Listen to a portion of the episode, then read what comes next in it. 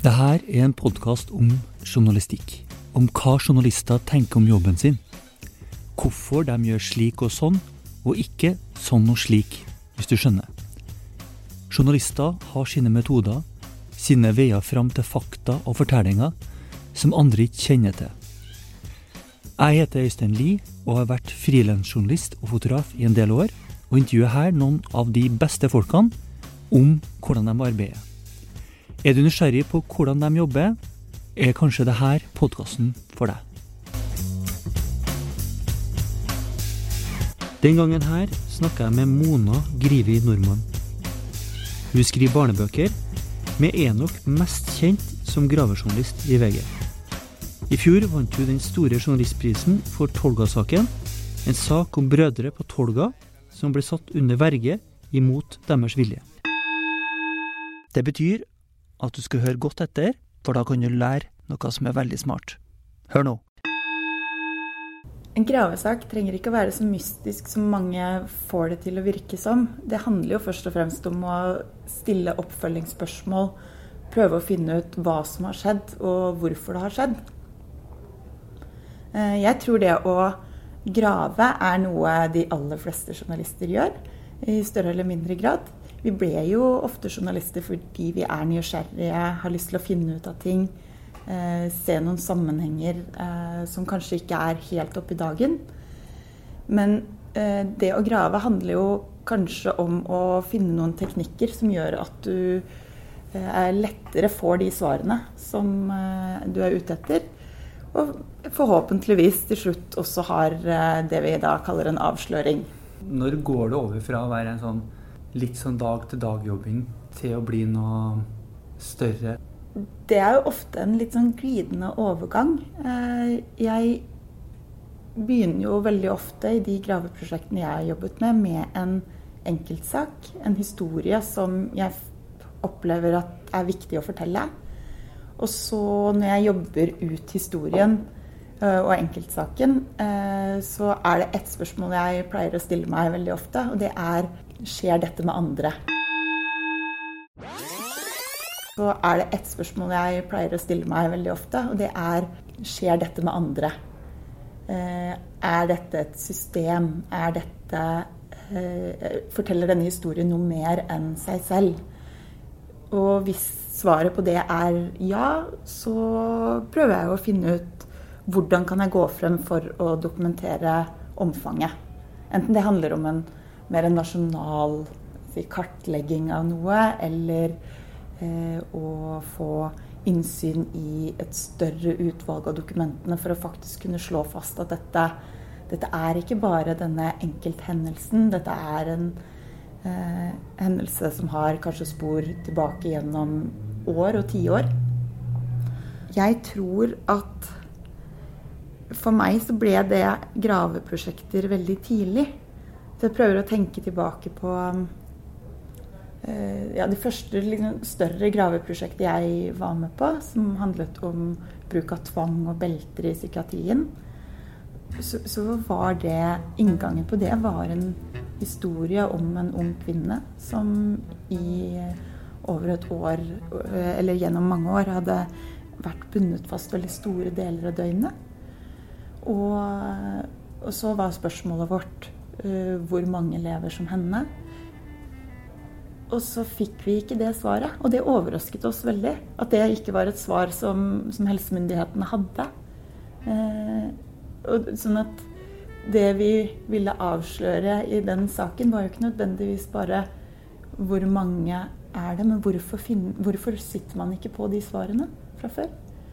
Eh, og hvordan går vi fram da, for å forsøke å finne, finne de svarene? Så går, ofte så går du fra det ene og prøver å utvide. Ja. Men går du også andre veien, hvor du har, har hele bildet, og så går ned og prøver å finne et enkelttilfelle? Jeg har gjort det eh, litt, litt, tidligere i liksom, karrieren min som journalist. Så har jeg mer gått inn og tenkt at nå skal jeg eh, fortelle om en tematikk altså, som jeg syns er viktig. Dette bør man dette er folk opptatt av, eller dette bør de være opptatt av.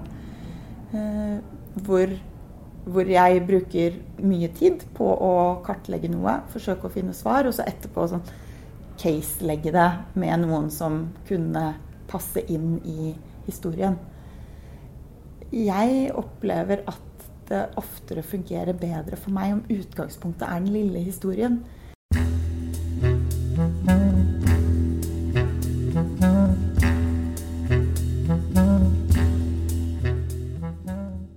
Men hvordan finner du den lille historien? Jeg er jo heldig og jobber i en stor redaksjon som får mye eh, tips. Jeg har en veldig lang liste med saker jeg veldig gjerne skulle gjort. Eh, og, og, dessverre ikke har hatt eh, tid til å gjøre ennå. Eh, men så har jeg jobbet eh, da med, med, psykiatri. Jeg jobbet også en del med vergemålssaker for noen år siden.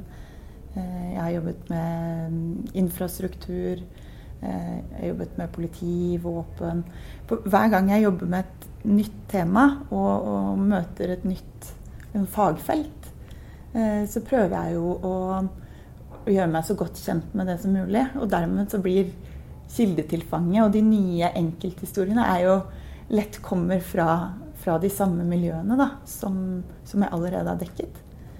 Så det å finne helt nye temaer og områder, det er litt sånn hobby for meg, som jeg bruker mye tid på. Fordi jeg mener at jeg gjør en bedre sak ofte når jeg er oppriktig veldig nysgjerrig på det feltet jeg skal dekke. Jeg gjør en bedre sak ofte når jeg er oppriktig veldig nysgjerrig på det feltet jeg skal dekke. Det er, det er mange journalister som, som har fagfelt og og syns det er viktig, og det er det også, sånn, å jobbe seg opp et bredt kildenettverk innenfor et fag. Eh, jeg ser på graving også som et fagfelt, og, og, ser at jeg kan bruke mange av de samme teknikkene og måten å jobbe på, selv om temaet endrer seg kraftig. Eh, jeg tror det å komme inn og skulle dekke en sak som f.eks. går på Ehm, politiet, eh, så kan det være en fordel å nettopp ikke ha eh, jobbet krim i mange år og ha masse fagkunnskap, fordi jeg kan se ting litt utenfra, stille spørsmålene på en litt annen måte. Og, og dermed også forhåpentligvis ha et mer kritisk blikk på noen av de det som oppleves som liksom, naturlig eh, gang i, eh, i, systemet, men som, eh, som, det også ofte er spørsmål å stille ved. Du kommer jo aldri utenom å, å få snakka ordentlig med folk. Du kommer jo aldri utenom å, å få snakka ordentlig med folk. Det å drive kildearbeid høres jo litt eh, litt mer eh, myteomspunnet ut enn det det egentlig er. Det handler jo bare om å få snakke med de folka som, som sitter på fakta. De som eh, kan hjelpe deg videre. De som kjenner feltet aller best. Og det å snakke grundig og lenge med folk, og kanskje aller viktigst, å lytte til hva de faktisk sier. Uh, og være en oppmerksom lytter som klarer å fange opp hva som blir sagt, og, um, og stille de gode oppfølgingsspørsmålene, det er viktig. Og jeg tror at i veldig mange samtaler jeg har, så er ikke det et intervjuer. For meg handler det ofte om å, å forstå feltet jeg jobber med, så godt som mulig. Og gå eh, og, og, komme nærmest de menneskene som sitter og gjør oppgavene i det daglige. F.eks. i en eh, gravesak hvor jeg har lyst til å be om innsyn i, et, si et, eh, i en, en, statistikk fra Nav. Så ønsker jeg å snakke direkte med en saksbehandler i Nav om hva de faktisk fører inn i de skjemaene. Sånn at jeg vet hvilke felter de har informasjon om, og dermed på en mye bedre måte kan be om innsyn i informasjon som de kan hente ut til meg på en uh, enkel måte. Det å, det å, snakke med folk som, som er på gulvet i, i byråkratiet, uh, det har jeg uh, veldig stor nytte av. Det å snakke med folk som, som er på gulvet i, i byråkratiet, det har jeg veldig stor nytte av. For de har, de har liksom grunntall, og så har de sånn tall som er grunnlaget for de grunntallene. Mm. Ja, f.eks. så gir jo um, Bufdir, eh, som driver med barnevern, eh, gir jo ut statistikk på et overordnet nasjonalt nivå. jeg er kanskje interessert i tallene fra hver enkelt kommune. da er det viktigere at jeg Da må jeg faktisk gå til uh, kilden. Da må jeg gå ut til hver enkelt kommune og spørre om hvilke tall de leverer inn, hvilken statistikk, hva er denne statistikken bygd opp på. Og så, ved å vite hva hver enkelt kommune leverer inn til Bufdir, så kan jeg spørre Bufdir om å få underlagsmateriale de har brukt for å få ut eh, statistikken. Uten at jeg trenger da å hente det inn personlig da, fra hver enkelt kommune. Eh, jeg har jo veldig stor altså Jeg er veldig, veldig glad i offentlighetsloven. Eh, har stor nytte av den, og er Og spesielt paragraf 9. Fortell hva det er for noe. Paragraf 9 er Eh, tilsier at du kan be om en sammenstilling av data. Du kan be om en sammenstilling av data. Dvs. Si at det ikke trenger å finnes et dokument allerede.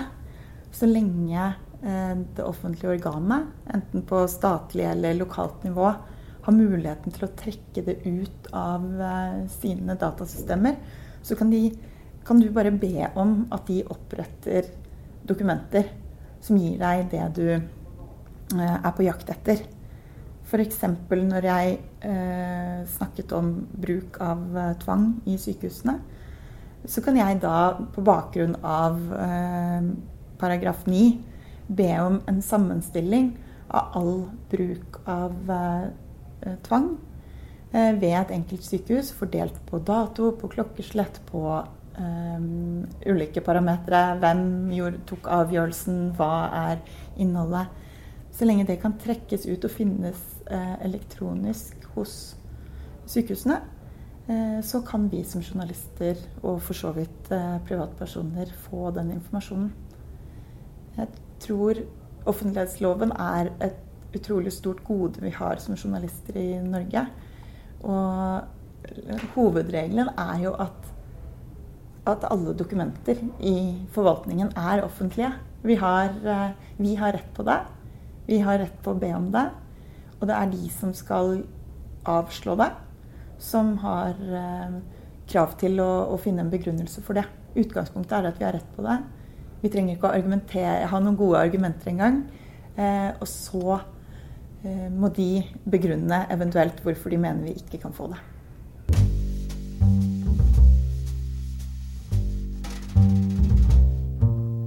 Noe av det viktigste når du skal grave, er å sette av nok tid og å ha en systematikk helt fra utgangspunktet. Og, og være veldig klar over hva det konkret er du er på jakt etter. Jeg er veldig avhengig av å føre lister, å føre daglige logger når jeg jobber med prosjekter. Med å sette opp alarmer for meg selv som sier 'Hvem har jeg husket å ringe? Hvem har jeg husket å maile?' Sette opp alarmer for meg selv som sier hvem har jeg husket å ringe, hvem har jeg husket å maile, hvem har jeg purra på, hvem har jeg eh, fått svar fra, hva er svarene? Og det å eh, den, beholde den kontrollen når du jobber med veldig mange dokumenter og veldig mange kilder, det er kanskje en av de egenskapene jeg setter størst pris på. Eh, og som jeg føler er viktigst for at jeg skal lykkes med, med de større graveprosjektene. Nå er jeg heldig som jobber i en redaksjon som har eh, både tid og ressurser til å, å, prioritere noen saker som vi har tro på. Eh, vi, vi, jobber jo Vi er vel åtte-ti journalister som, som, bruker veldig mye av tiden vår på å um, grave, og som eh, får muligheten til å følge sakene helt i mål. Eh, ofte så det, det, er jo utrolig mange saker og temaer det hadde gått an å grave i. Eh, så man må jo ta noen valg, og vi har jo ikke ubegrensa ressurser, vi heller. Men når Jeg har jo hatt en sak, den jeg nevnte tidligere, om tvang i psykiatrien. Da vi gikk inn i den saken, så så jeg kanskje for meg at vi kom til å bruke noen måneder. Eh, når vi så fasit i ettertid, så hadde vi jobbet med, med samme tema da i 14 måneder. Over et år. Og det er eh, det er uvanlig, og det er eh, også ganske krevende som rastløs journalist. Men det er utrolig fint å jobbe et sted hvor, hvor det er mulig, hvis vi syns at saken er viktig nok. Men hvis den saken har falt, da?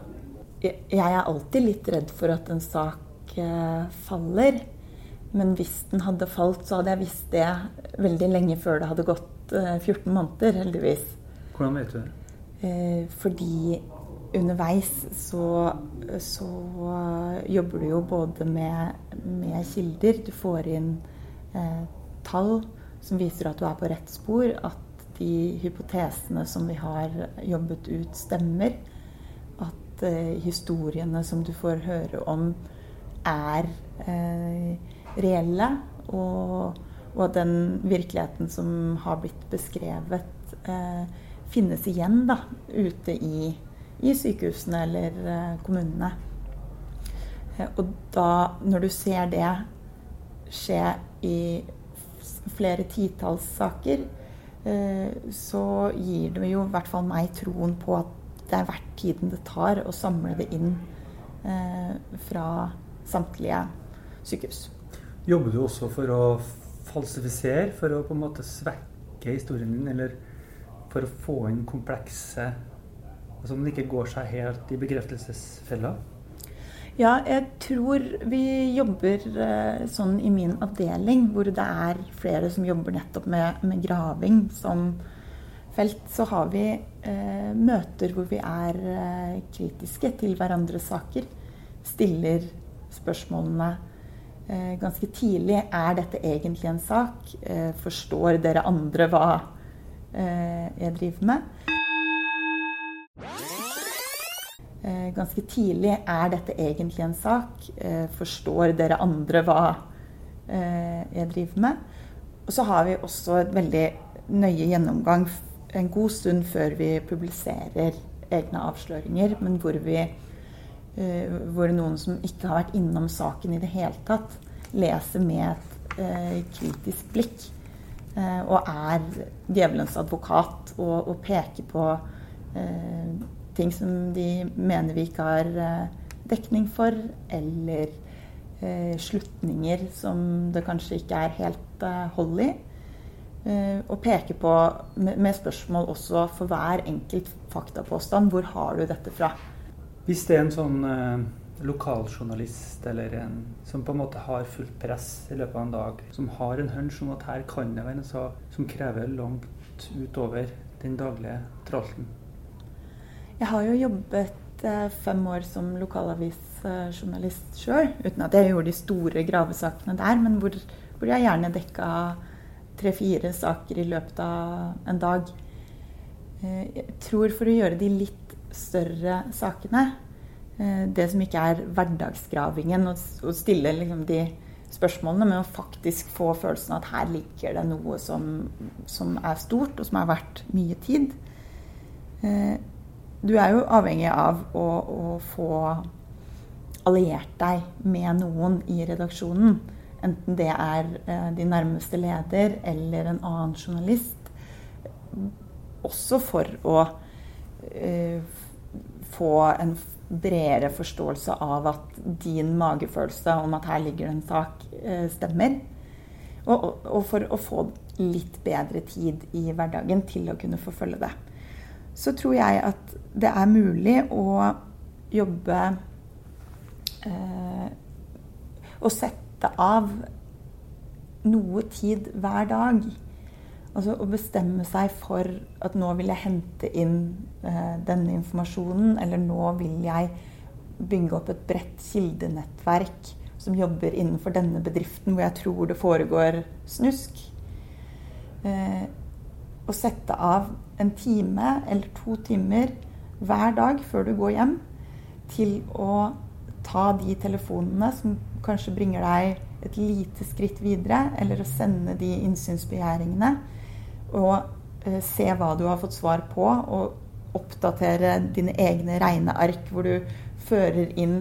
Men det, men det å liksom, tvinge seg selv, til tross for hektiske dager, til å, å ha en jevn progresjon, det gjør at du kan løse utrolig mange kompliserte saker eh, ved siden av eh, en, å, å, gjøre en god jobb som nyhetsjournalist.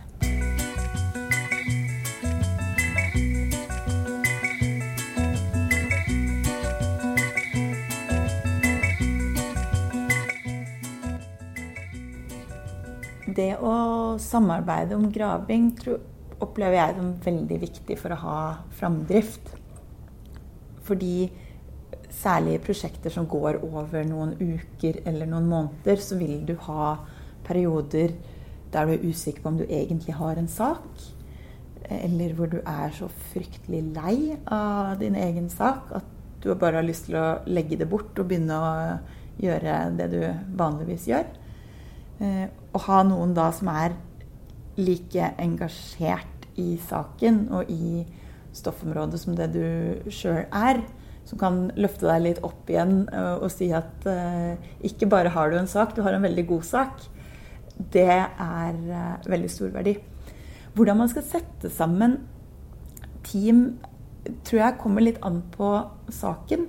Det er Siden jeg har jobbet mye med, med veldig ulike fagfelt, så sett, har jeg ofte satt veldig stor pris på å få med meg journalister som som kan eh, fag, som kjenner og kan fagfeltet godt fra før.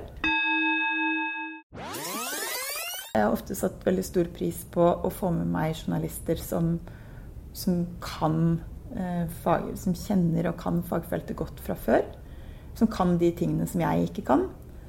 Eh, jeg trives også å jobbe med, med folk som er eh, kanskje tøffere enn meg på eh, å være konfronterende.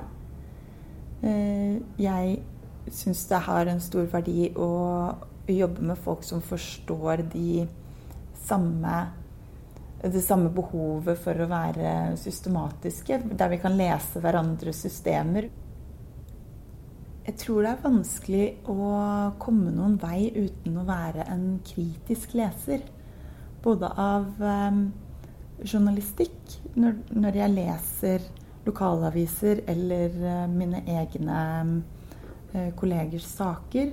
Uh, når det er dokumenter eller sakspapirer. Men det å, å, ha et kritisk blikk på, på det som både står på linjene, men også det som står mellom linjene, det som mangler i dokumentene. Og prøve å å se om det er noen større spørsmål som, som, burde vært stilt. Om det peker på noe mer enn den uh, nyhetssaken som du sitter og leser. Jeg tenker at eh, det, De sakene som ofte griper meg, er jo der jeg sjøl blir enten provosert eller overraska. De sakene som ofte griper meg, er jo der jeg sjøl blir enten provosert eller overraska. Eh, blant annet nå så hadde vi en eh, sak eh, som handlet om våpen som hadde forsvunnet fra Forsvaret. Og som hadde dukket opp da hos våpensamlere. Altså ulovlige våpen. Og da Det var jo en setning som sto i en, i en dom. og som viste Der vi fanget opp at dette er jo faktisk et langt større samfunnsproblem enn det som har vært omtalt i, i enkeltvise nyhetshendelser. Det er en fordel hvis man har lyst til å jobbe med, med gravejournalistikk, og klare både å, å se hva, hva, som står, og hva som mangler. Når, når begynner du å tenke visuelt? Det visuelle er med helt fra starten. Eh, når jeg forteller eller velger historier som jeg vil bruke tid på å fortelle, så tar vi ofte et valg om det hovedvisuelle grepet skal være foto eller video. Eh, og da ønsker jeg i stor grad at vi er to journalister. Altså én skrivende journalist og én fotojournalist som er med på alle møter.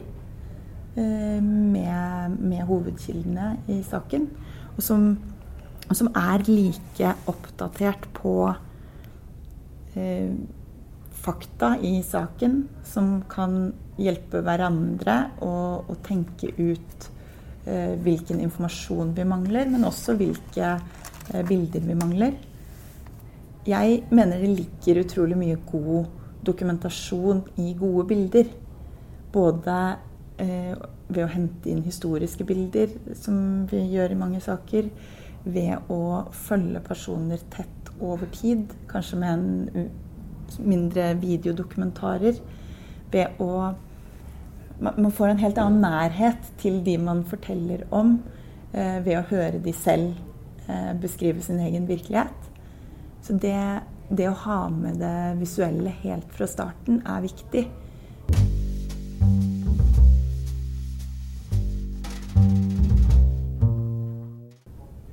Å fortelle litt sånn større gravesaker er ofte vanskelig, fordi det er ofte ganske kompliserte eh, temaer. Det er kanskje helt ukjente temaer, sånn at du er nødt til å forklare leserne eh, lovverket eller regelverket for det du nå skal beskrive, før du kan begynne å fortelle om hva som er eh, lovbruddene. Det er jo ofte sånn at jeg har brukt måned etter måned på å hente inn masse tall. Og så ender det opp med å bare være tre tall i hele teksten. Det kan jo føles nesten litt eh, vondt, litt sårt for meg som journalist at, eh, at det ikke brukes mer av tallmaterialet som jeg har jobbet frem. Men jeg tror at for leserne så handler jo ikke dette om det viktige for leserne er ikke hvor flink jeg har vært til å finne fram tall. Det viktige for leserne er jo å forstå hva de tallene betyr.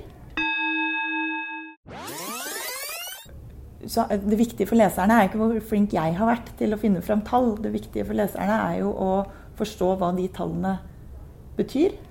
Eh, og, og hva det betyr for enten deres hverdag eller eh, for den virkeligheten jeg beskriver. Når jeg har historier som jeg føler bærer hele problemstillingen og funnene, så mener jeg at det er eh, oftest er riktigst å begynne med eh, fortellingen om enkeltmennesket. Eh, det er lettere for leseren å engasjere seg i historier om mennesker enn i historier om tall. Eh, det er eh, Det føles også mer som om det angår deg dersom du kommer tett på et menneske, fremfor å begynne med en uh, lovtekst.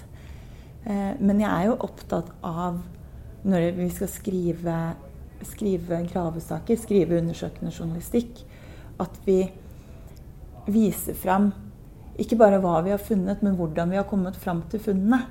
At vi tar med leserne på den reisen som vi selv har tatt. Med Eh, å vise frem. Eh, være åpne på eh, hvem vi har stilt spørsmål til, hvordan spørsmålene er stilt, hvilke funn vi har fått underveis, hva vi har måttet legge bort.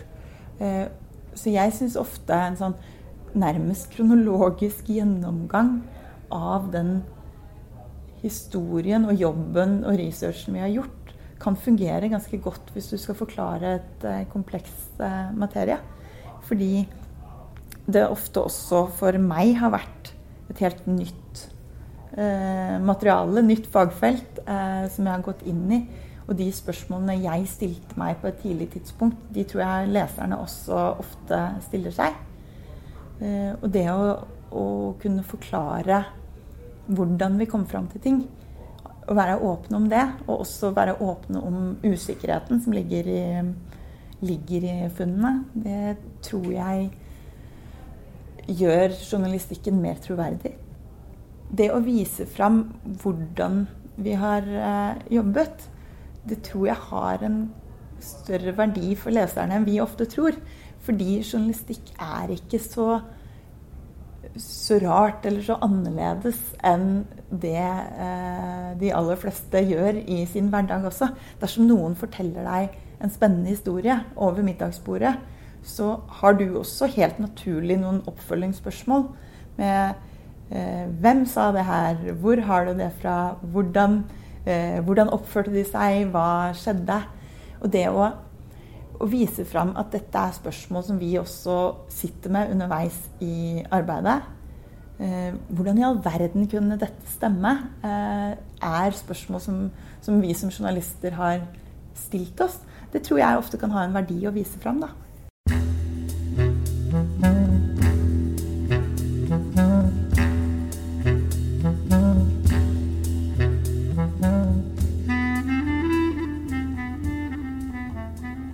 Trenger ikke nødvendigvis å grave så dypt før det er noe å finne.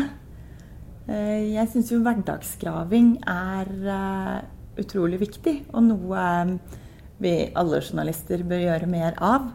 Og Da handler det ikke om nødvendigvis å sette av dager og uker, men å ta seg tiden til å kanskje lese et dokument en gang ekstra, stille et oppfølgingsspørsmål, be om innsyn i hva som ligger til grunn for en eh, beslutning i kommunen. Fordi det, det å grave er, handler jo egentlig bare om å være på jakt etter årsakene til at ting skjer. Det å grave er, handler jo egentlig bare om å være på jakt etter årsakene til at ting skjer. Eh, prøve å finne ut hvem som har noe å tjene på at det skjer. Eh, finne ut hvorfor eh, ting gjøres. Og det er, det er mye kritikkverdig å avdekke. Og da ikke, Nå snakker jeg ikke kritikkverdig som at du må avsløre korrupsjon eller kriminalitet.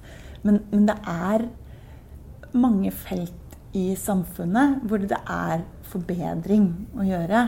Og det tror jeg vi kan gjøre nettopp med hverdagsgraving. Med å gi folk Opplyse folk om hvorfor eh, Hvordan demokratiet vårt fungerer. Hvordan samfunnet vårt er satt sammen.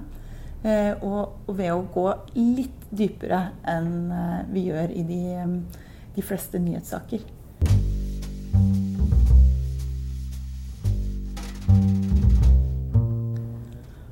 når jeg møter folk for første gang, så, så, setter jeg veldig ofte av tid til å bare, bare prate litt, bli kjent. Eh, og en av de tingene Det handler jo for meg ofte om at eh, jeg vil bli kjent med hvem de er. Men jeg tror også det er viktig at de blir kjent med hvem jeg er. Og gjennom å fortelle litt om meg, så får jeg klarlagt det at jeg er journalist. Eh, jeg er ikke der som en, en venn eller en hjelper. Min rolle er å høre på det de har å fortelle. Også være kritiske til, til kildene mine. Eh, ikke fordi jeg ikke nødvendigvis tror på det de forteller, men fordi jeg trenger eh, dokumentasjon for å kunne publisere noe av det, og for å kunne gå videre med saken. Så det, å, det er en balansegang mellom å være den, denne lyttende personen som skal få deg til å, til å vrenge sjela di men kanskje noen av de mest dramatiske opplevelsene du har hatt. Samtidig eh, skal jeg også være den som, som stiller de kritiske spørsmålene. Som nærmest virker som jeg ikke tror deg på det du sier. Men jeg tror at eh, de fleste eh, som blir forklart hva, hva journalistens rolle er, forstår at vi er noe annet. Jeg er ikke en psykolog, jeg er ingen venn, jeg er ingen hjelper. Jeg har en annen rolle. Eh, og det er å forsøke å finne den objektive sannheten i det du forteller. Jeg er ikke en psykolog, jeg er ingen venn, jeg er ingen hjelper. Jeg har en annen rolle. Eh, og det er å forsøke å finne den objektive sannheten i det du forteller. Dersom du beskriver eh, kritikkverdig som har hendt deg, så, så, jeg, så, prøver jeg å fortelle veldig tidlig at jeg er nødt til å også snakke med den du beskylder for å ha gjort det, og høre hvordan de opplever saken. Det å gjøre Det å fortelle om journalistens rolle og mine liksom, vanlige arbeidsoppgaver i journalistisk prosess, eh, det tror jeg er med på å sette rammene for for intervjuet og for saken. Og, og gjør det også lettere for kildene våre å forstå hva vi trenger for å kunne gjøre jobben vår. Det er stor forskjell på profesjonelle kilder og på uerfarne kilder. Eh, dersom noen forteller en, en krevende ting fra livet sitt, eh, forteller eh, veldig private ting, eh, så er jeg så syns jeg ofte det er en fordel at de har både lest gjennom saken, helt, altså hele saken fra A til Å, ikke bare sine egne sitater, men for å se settingen eh, før det kommer på trykk. Det er mye viktigere for meg at å, å kunne Inkludert presentasjon og alt, da? Eller bare teksten? Stort ofte også presentasjon. Eh, Sånn at eh, de vet hva som møter dem før, før det slås opp på VGs forside. Jeg tror Men i møte med profesjonelle kilder eh, så mener jeg at Eller da er rollene litt annet. Når jeg skal stille kritiske spørsmål, så er det viktig å, å gi muligheten til å tilsvar på det som er kritikk, eh, men ikke nødvendigvis eh, hele eh, presentasjonen av saken i forkant. Nei, Da sender jeg eventuelt sitatene om hva de inngår i, kanskje? Mm. eller bare sitatene? Jeg sender ofte over eh, mer enn det det, er, det det er krav om i eh, presseetikken. Fordi jeg jeg vil jo prøve å fortelle sannheten. Og da syns jeg at det har mm, stor verdi å få, få gode tilsvar. Altså jeg ønsker å høre, høre, motparten helt ut, og de får du, får du jo ved å, å gi dem liksom den fulle bildet av hva som kommer til å møte dem. Eh, jeg syns ofte eh, eller jeg mener jo at, at vi noe, ofte som journalister er litt for gniende på hva vi er villige til å sende fra oss i forkant. Eller jeg mener jo at, at vi noe, ofte som journalister er litt for gniende på hva vi er villige til å sende fra oss i forkant. Når jeg ønsker tilsvar til saker, eller eh, skal snakke med folk som blir utsatt for kritisk journalistikk, så mener jeg at de fortjener og, og, og at sakene blir bedre dersom vi er villige til å, til å, dele mye av det vi sitter på, og også til å høre ut. Eh, og det gir et mer balansert og dermed mer sannferdig bilde. De fleste, Det er veldig få historier som er svart-hvite. De fleste er grå.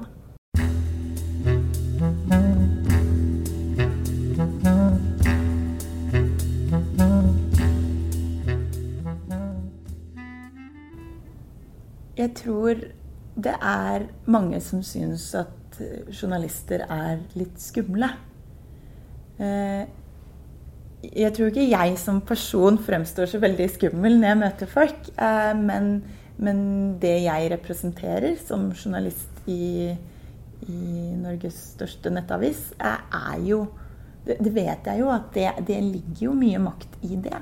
Eh, og, og, at sakene eh, som vi forteller, det vil bli lest av mange, og mange vil danne seg opp en mening om det. Så jeg forstår at det kan være eh, skremmende. Eh, og, og bli kontaktet av, av journalist.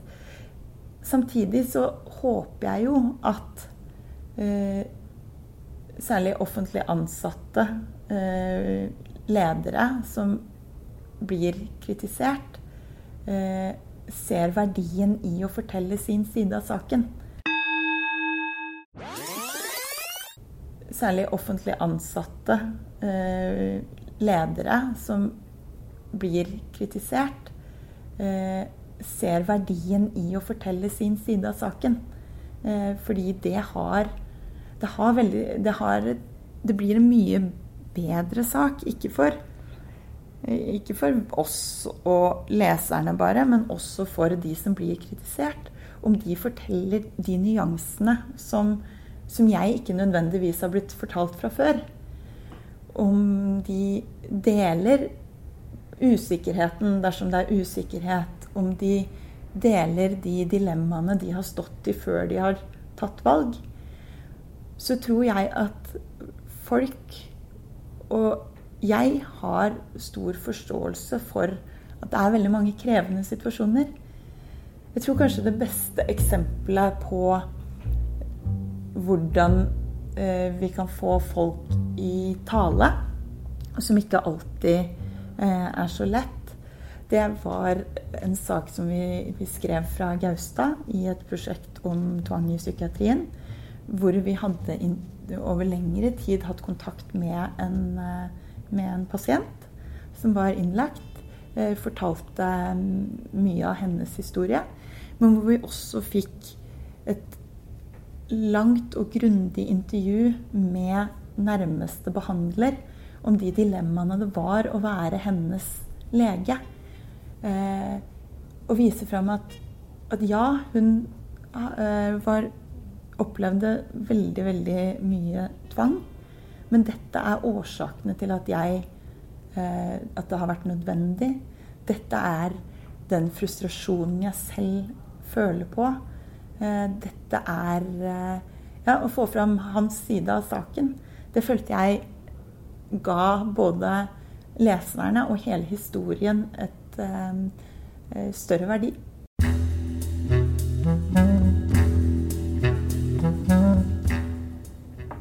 Vi har som regel noen oppfølgingssaker klare når vi publiserer større avsløringer. Men det vi håper på, er jo at avsløringene i seg selv også er så eh, klare, så sterke, at det blir oppfølginger som ikke, har, som ikke, er noe vi kan planlegge for. Altså at um, det settes i gang en gransking, at det blir en pågripelse. Altså den typen uh, konsekvenser som skjer der og da fordi avsløringen har en kraft i seg, det er jo det aller, aller uh, beste du kan oppleve som gravejournalist. Jeg tror et av de mest sånn ekstreme eksemplene på det for meg var uh, da vi hadde skrevet uh, det som er blitt kalt Tolga-saken. Så uh, Forklar den litt. Bare. Ja, Tolga-saken handlet om tre brødre fra Tolga kommune. Der hadde to av brødrene hadde blitt registrert som psykisk utviklingshemmede, til tross for at de ikke hadde diagnosen. og brødrene hadde også fått opprettet vergemål mot sin vilje. Det var en sak eh, vi fulgte veldig tett eh, gjennom et år. Både ved å fortelle historien til familien, men også ved å se på hvordan systemet for eh, diagnostisering av psykisk utviklingshemmede er, og hvordan vergemålsloven har blitt brukt. Eh, I realiteten så skal jo ingen ha verge mot sin vilje, eh, men det fant vi ut at hadde skjedd i i veldig mange saker. Så da den den første saken ble publisert, så var det veldig mye lesere. Én eh, million lesere i løpet av det første døgnet. Eh, og det var en sak som, som førte til mye debatt, mye oppfølging, både fra oss og andre medier. Men da vi hadde den andre saken, som var en avsløring i, i komplekset, så, så, fortalte vi om hvordan alle norske kommuner har Eh, benyttet seg av dette systemet med, med uh, psykisk utviklingshemmede, og, og, hvilke inntekter det gir til kommunene. Uh, og den dagen etter at den saken var på trykk, så ble vi innkalt til en pressekonferanse der justisministeren, kommunalministeren og helseministeren, alle tre, eh, slo fast at eh, denne saken skal vi granske fra alle sider. Eh, dette skal vi komme til bunns i. Og det, det, å få en sånn type reaksjon og konsekvens eh, når du har jobbet med en sak i et, eh, i et års tid, eh, det, det, viser jo at vi var på sporet av, av noe som var langt mer eh, langt større enn en enkeltsak, og noe som egentlig berørte, berørte Norge.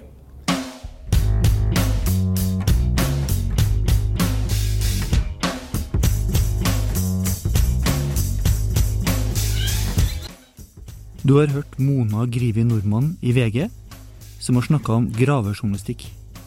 Neste gang er det Trude Lorentzen sin tur. Hun er forfatter og skriver featureartikler for magasinet i Dagbladet. Det er fint om du blir med videre.